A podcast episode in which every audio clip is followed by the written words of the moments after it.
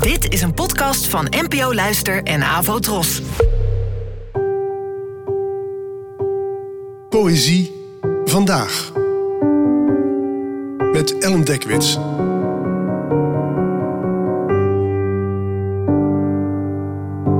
Hallo, fijn dat je luistert. Het gedicht van vandaag heet Een winteravond in Jalta en werd geschreven door de Russische dichter Jozef Brodsky, geboren in 1940 en gestorven in 1996, en het werd vertaald door Derek Walcott en mij. En dit keer vertel ik even iets vooraf. Het vers dat je zo gaat horen werd geschreven in 1969. Brodsky had er toen net vijf jaar dwangarbeid op zitten, omdat de autoriteiten zijn poëzie anti-Sovjet vonden. In dit gedicht zit een element van afstand nemen, van het alvast afscheid nemen nog voor het afscheid daadwerkelijk is aangebroken. Het beeld van de babybruinvis die je zo zal horen, een beeld waarin het visje cirkelt om een schip dat is volgeladen met allemaal andere vissen, raakt me daarom nog harder alsof Jozef Brodsky hier al wist dat de plek die hij als zijn thuis beschouwde gevaarlijk was en niet lang meer zijn thuis zou zijn. Enige tijd later werd hij voor het leven verbannen uit zijn geboorteland, om er nooit meer terug te keren. Een winteravond in Jalta.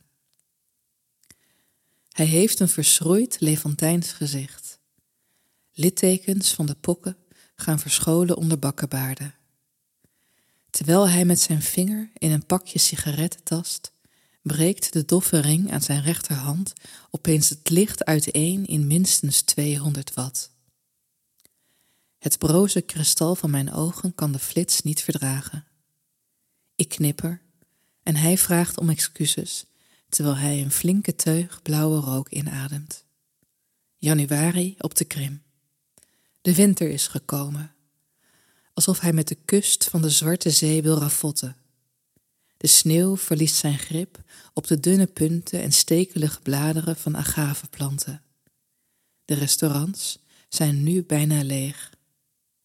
Een ichthyosaurus boert zwarte rook en bevuilt de straat, de penetrante stank van verrotte laurier in de lucht. Wil je dit smerige spul drinken? Ja.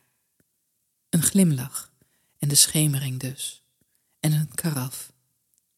Een barman wringt zijn handen in de verte, maakt cirkels, zoals een bruine visjong rond een met vis gevulde zeilboot. Rechthoekige ramen, gele bloemen in potten en sneeuwvlokken die voorbij tuimelen. Ik smeek je moment, blijf. Je bent niet bijzonder mooi, maar wel onherhaalbaar.